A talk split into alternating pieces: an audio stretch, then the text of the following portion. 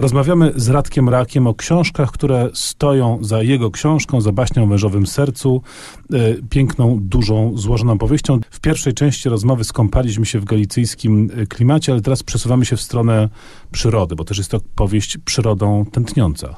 Myślałem, że powiesz, skąpaliśmy się w galicyjskim błotku. Trochę tak, natomiast teraz rzeczywiście w stronę e, robaków się e, przesuwamy.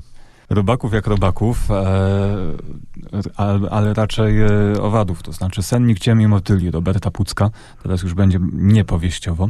To była książka, która była dla mnie pewnym zaskoczeniem, bo kupiłem ją ze względu na to, że podobała mi się okładka i nie myśl, myślałem, że to będzie jakaś kolejna książka o zwierzątkach, które zresztą książki o zwierzątkach bardzo cenię, jestem lekarzem weterynarii e, z zawodu.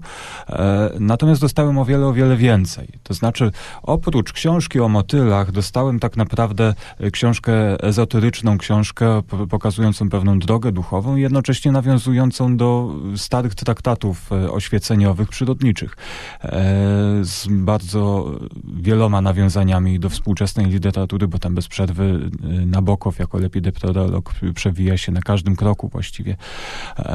Książka taka bardzo meterlinkowska z ducha, która ogromny wpływ wywarła również na, no, na moją powieść, bo tam motywy przyrodnicze pojawiają się na każdym kroku i wydaje mi się, że bardzo wiele zawdzięczam również wizji Roberta Pucka.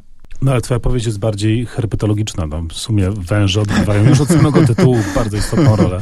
Ja bym bardzo chciał, żeby Robert Pucek napisał jeszcze książkę o gadach. Jeżeli nas słucha, to w takim razie prosimy, panie Robercie, do roboty. Tymczasem, jak już o drogach duchowych mowa, to na koniec listy Radka Raka e, Tomasz Merton. Przez Tomasa Mertona również pisząc baśń o wężowym sercu przekopywałem się szeroko i, i głęboko. E, można by powiedzieć, że Merton trochę prowadził mnie e, w życiu duchowym w tym czasie.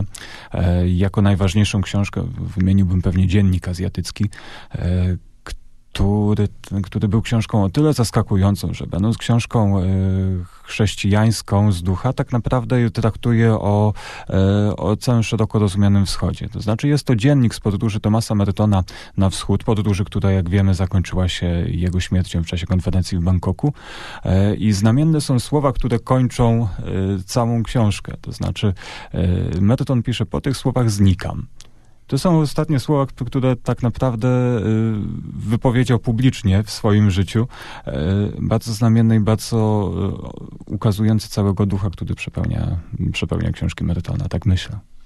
No i bardzo ładnie. Wyszło nam z tego, że gdzieś w okolicach Krakowa Galicja się zaczyna, a kończy za Bangkokiem. Ja myślę, że to jest wybór książek, które rzeczywiście sporo światło rzucają na baśń wężowym sercu, bo mamy pewną duchowość, mamy przyrody, mamy Galicję.